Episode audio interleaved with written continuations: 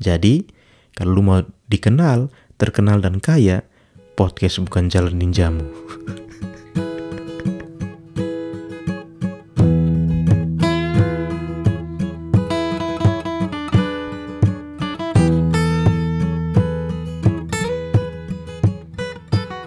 Mbak Saudara, em, tidak terasa akhirnya ATP Podcast ini menginjak 2 tahun.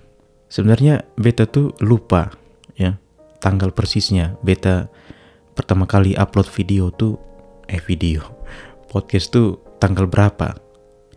Tapi ketika melihat aplikasi itu Spotify for Podcaster di analitiknya itu ternyata beta upload pertama tuh 13 Mei 2021.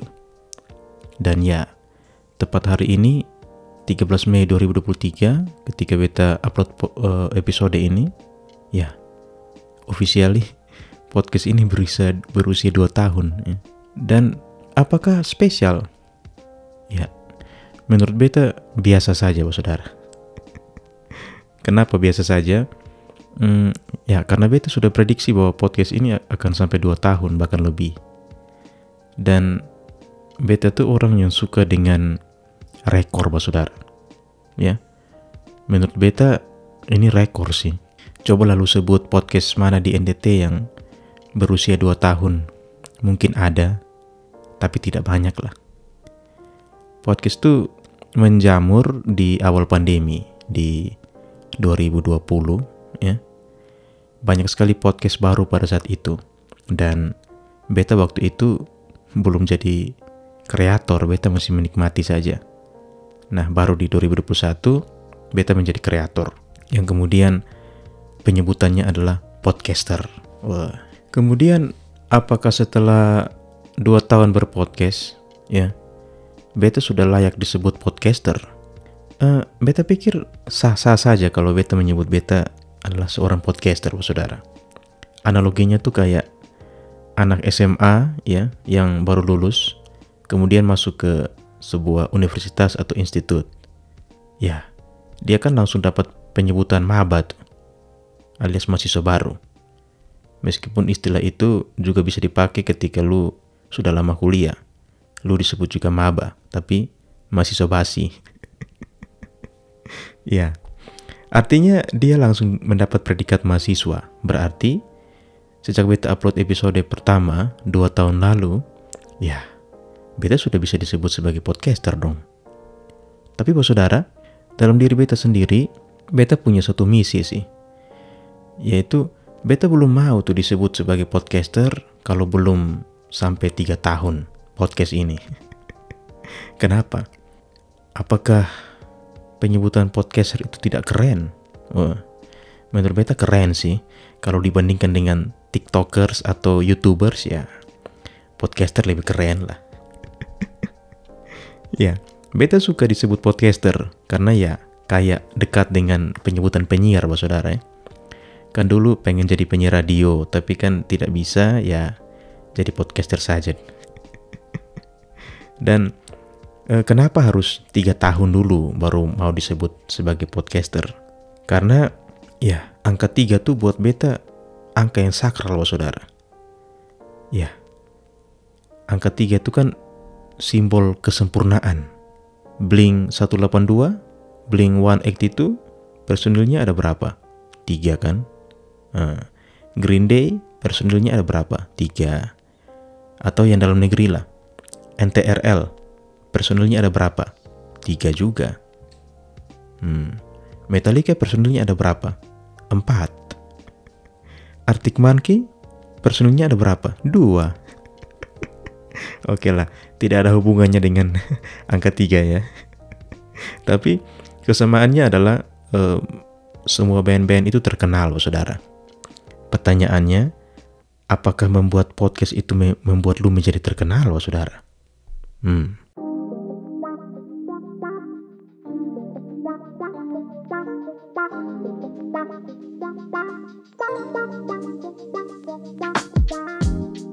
Beta kemudian kemarin nonton suatu wawancara ya dari seorang podcaster juga.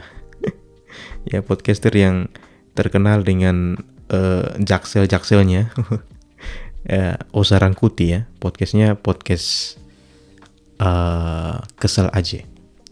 Nah beta nonton vlognya di YouTube ya. Dia tuh datang di uh, podcast mas. Jadi podcast mas tuh kayak buat satu event ya yang di mana di situ para podcaster tuh menjual merchandise-nya dan si Oza datang.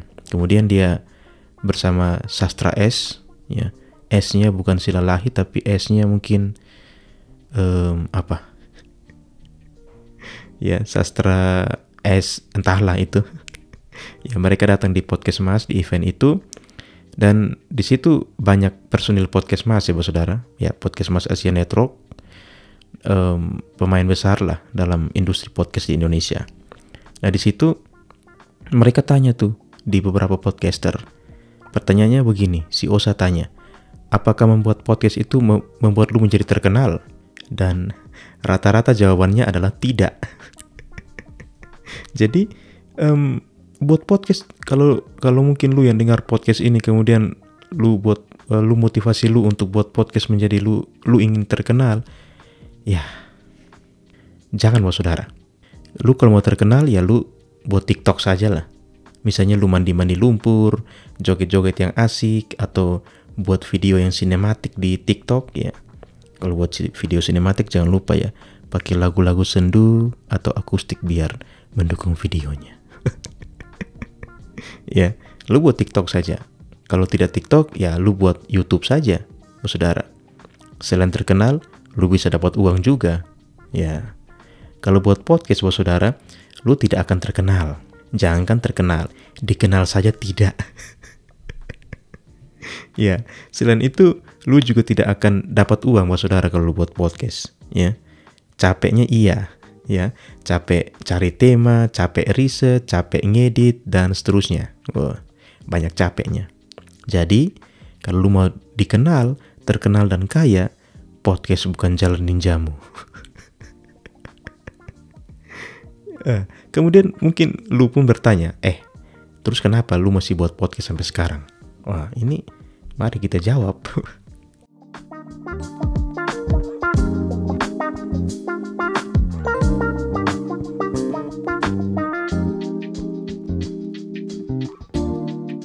Beta mau cerita sedikit soal um, perjalanan podcast ini ya. Lebih pada uh, bagaimana beta bisa bertahan begitu. Artinya ada beberapa kisahnya. Jadi awal beta buat podcast tuh karena beta pikir bahwa beta punya cerita yang banyak ya. Seperti panutan beta tuh kan dua podcast ya. Yaitu BKR Brothers dan Anfaida Podcast ya. Dan format mereka tuh kan podcast tongkrongan ya bos saudara. Nah, ternyata setelah beta upload episode pertama bos saudara, beta baru sadar bahwa kalau mau buat podcast yang konsepnya nongkrong seperti BKR dan Anfaida, ya berarti lu harus nongkrong dong saudara. Sedangkan saat itu pandemi lagi parah-parahnya bos saudara. Dan beta termasuk orang yang paling takut COVID bos saudara. Mm -mm. Dan kemudian beta berpikir bahwa oke okay, bisa lah kita pakai telepon saja. Dan beta buat itu, beta uh, ada episode baca cerita itu beta telepon. Tapi di situ baru beta sadar juga bapak bahwa beta tuh tidak punya banyak cerita dengan teman-teman, saudara. Tidak punya banyak cerita. Kemudian beta berpikir lagi, oke okay, kita ganti konsepnya monolog saja. Ya, tapi oke okay, sampai sekarang beta monolog sih. Tapi beta tuh mau konsepnya yang yang yang yang kayak panutan beta uh, di podcast awal minggu si Bang Adriano Kalbi ya tapi di situ beta sadar lagi bahwa ya beta sadar bahwa ya beta tidak sefrontal beliau beta tidak seberani beliau begitu. Ya kemudian kalau konsep monolog pun ya ya mungkin top of mind orang-orang adalah rintik seduh ya. Ya puncak kelas main sampai sekarang masa kita tidak look up ke dia kan lucu. Ya buat uh, monolog pakai musik-musik background yang mendayu plus pakai mungkin Shure SM7B ya. Tapi suara beta tidak semerdu rintik seduh soalnya. Mau pakai Shure SM7B pun tidak menolong mas saudara. Ya ini proses yang beta alami was saudara ketika mencari jati diri podcast ini. Ya belum lagi kalau kita bicara soal gear was saudara. Peralatan. Baik itu hardware software ya. Perangkat keras perangkat lunaknya. Wah, kalau bicara hardwarenya bos saudara itu lebih ke BM-nya alias banyak maunya bos saudara. Dulu awal-awal buat podcast uh, beta tuh pakai HP saja ya. Ya, pokoknya install um, aplikasi recorder dari Play Store dan langsung cus langsung rekam. Nah, terus karena dalam perjalanan waktu beta berpikir bahwa podcast ini akan konsepnya tongkrongan tadi, mau kayak BKR dan Anfaida, kemudian beta nabung dan beli Zoom H4n Pro Zoom H4n Pro. Beta masih pakai sampai sekarang ya. Dan itu beta pakai satu tahun lebih bos saudara si Zoom H4n Pro ini ya.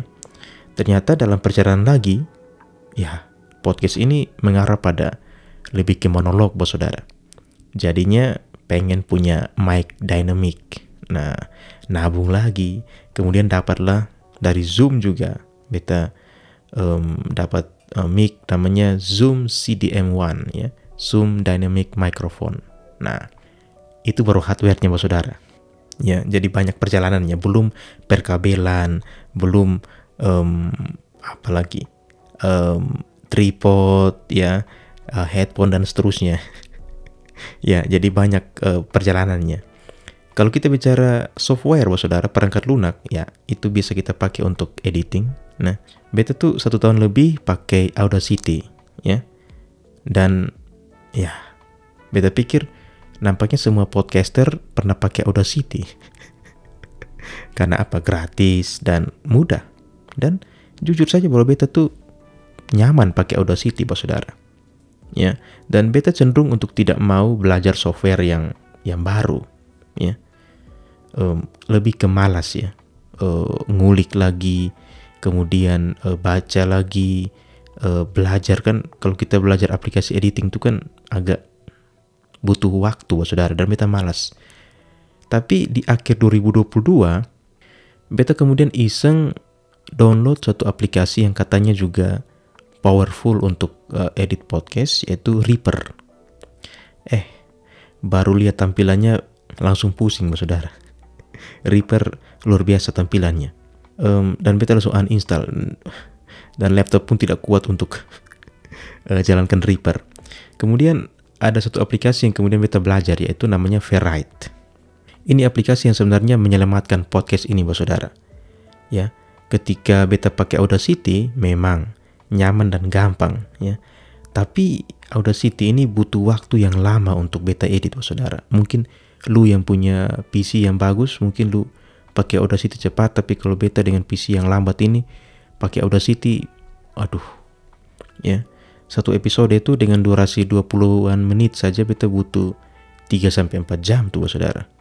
Tapi dengan aplikasi Ferrite ini ya beta baru pakai ya mungkin menginjak 6 bulan ya. Bahkan dalam waktu 3 jam tadi itu beta bisa pakai untuk merekam edit buat cover dan publish.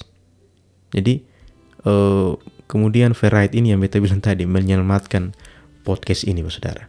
Ternyata buat podcast itu yang beta dulu anggap bahwa tinggal rekam dan publish dan beres ternyata banyak um, apa ya banyak kisah-kisah terselip dalam proses-proses itu saudara jadi beta kutip satu kata bijak ya uh, bunyinya begini if you pray for rain you have to deal with mood too.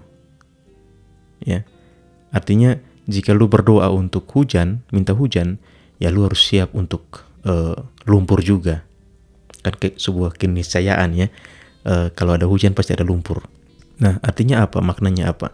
Bahwa ketika lu memutuskan untuk uh, berbuat sesuatu, ya, lu harus siap untuk proses-proses yang ada di situ, ya. Ketika beta memutuskan untuk buat podcast dua tahun lalu, ya beta pun harus siap untuk setiap proses yang mungkin beta akan alami ya. Ini juga berlaku untuk banyak hal dalam hidup saudara bahwa ketika lu mau uh, buat sesuatu ya lu harus siap untuk berproses. ya. Ketika lu tidak mau berproses, maka ya lu akan jadi pribadi yang lemah, tidak tahan banting, cengeng dan seterusnya. dan tidak berkembang pasti. Ya, kalau lu tidak mau berproses, mending lu jangan mulai uh, sesuatu yang baru lah. lu buat saja apa yang lu nyaman sekarang gitu. Oke, saudara, beta omong terlalu banyak soal per podcastan ini. Kembali ke pertanyaan yang tadi. Terus kenapa beta masih buat podcast? Mungkin pertanyaan lanjutannya, apa untungnya dan apa gunanya? Mungkin lu mau tahu.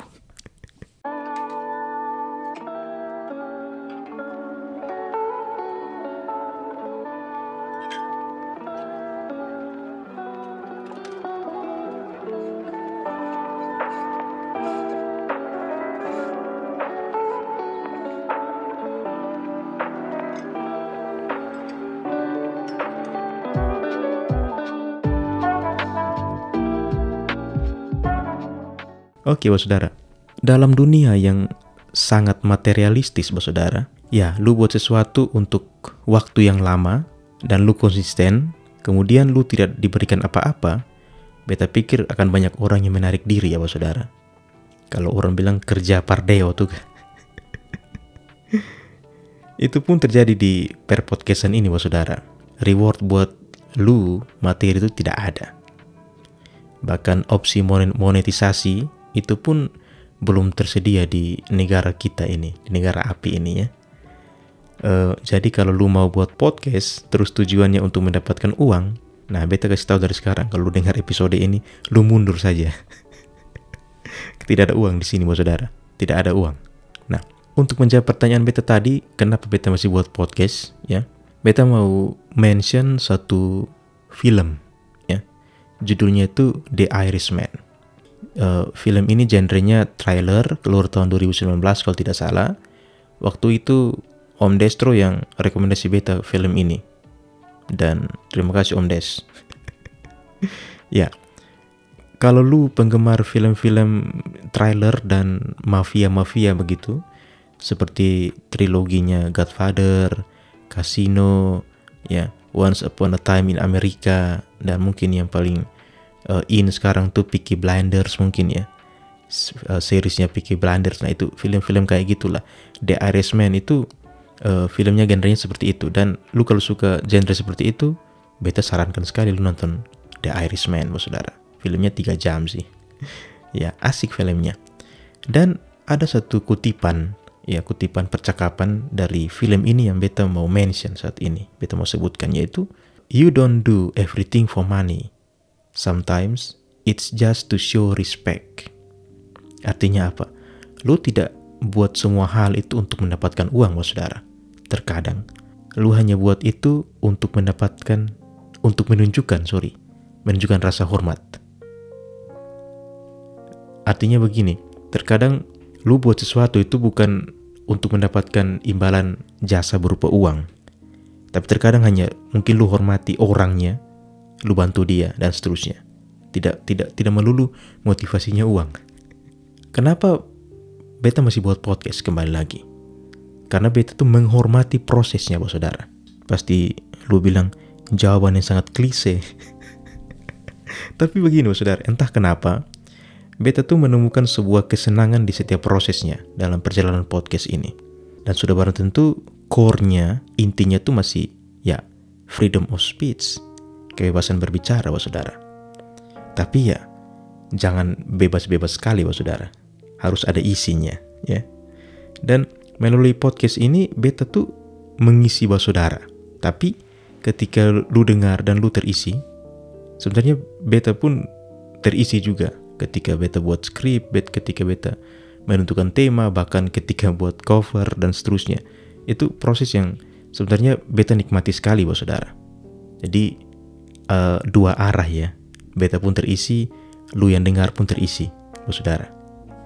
Dan seiring dengan bertambah usianya podcast ini, kemudian semacam ada beban dalam tanda kutip, bos saudara. Karena pendengar beta tuh mendekati 3000 3000 pendengar. Beta semacam punya tanggung jawab kemudian, bos saudara. Beta berpikir seperti itu.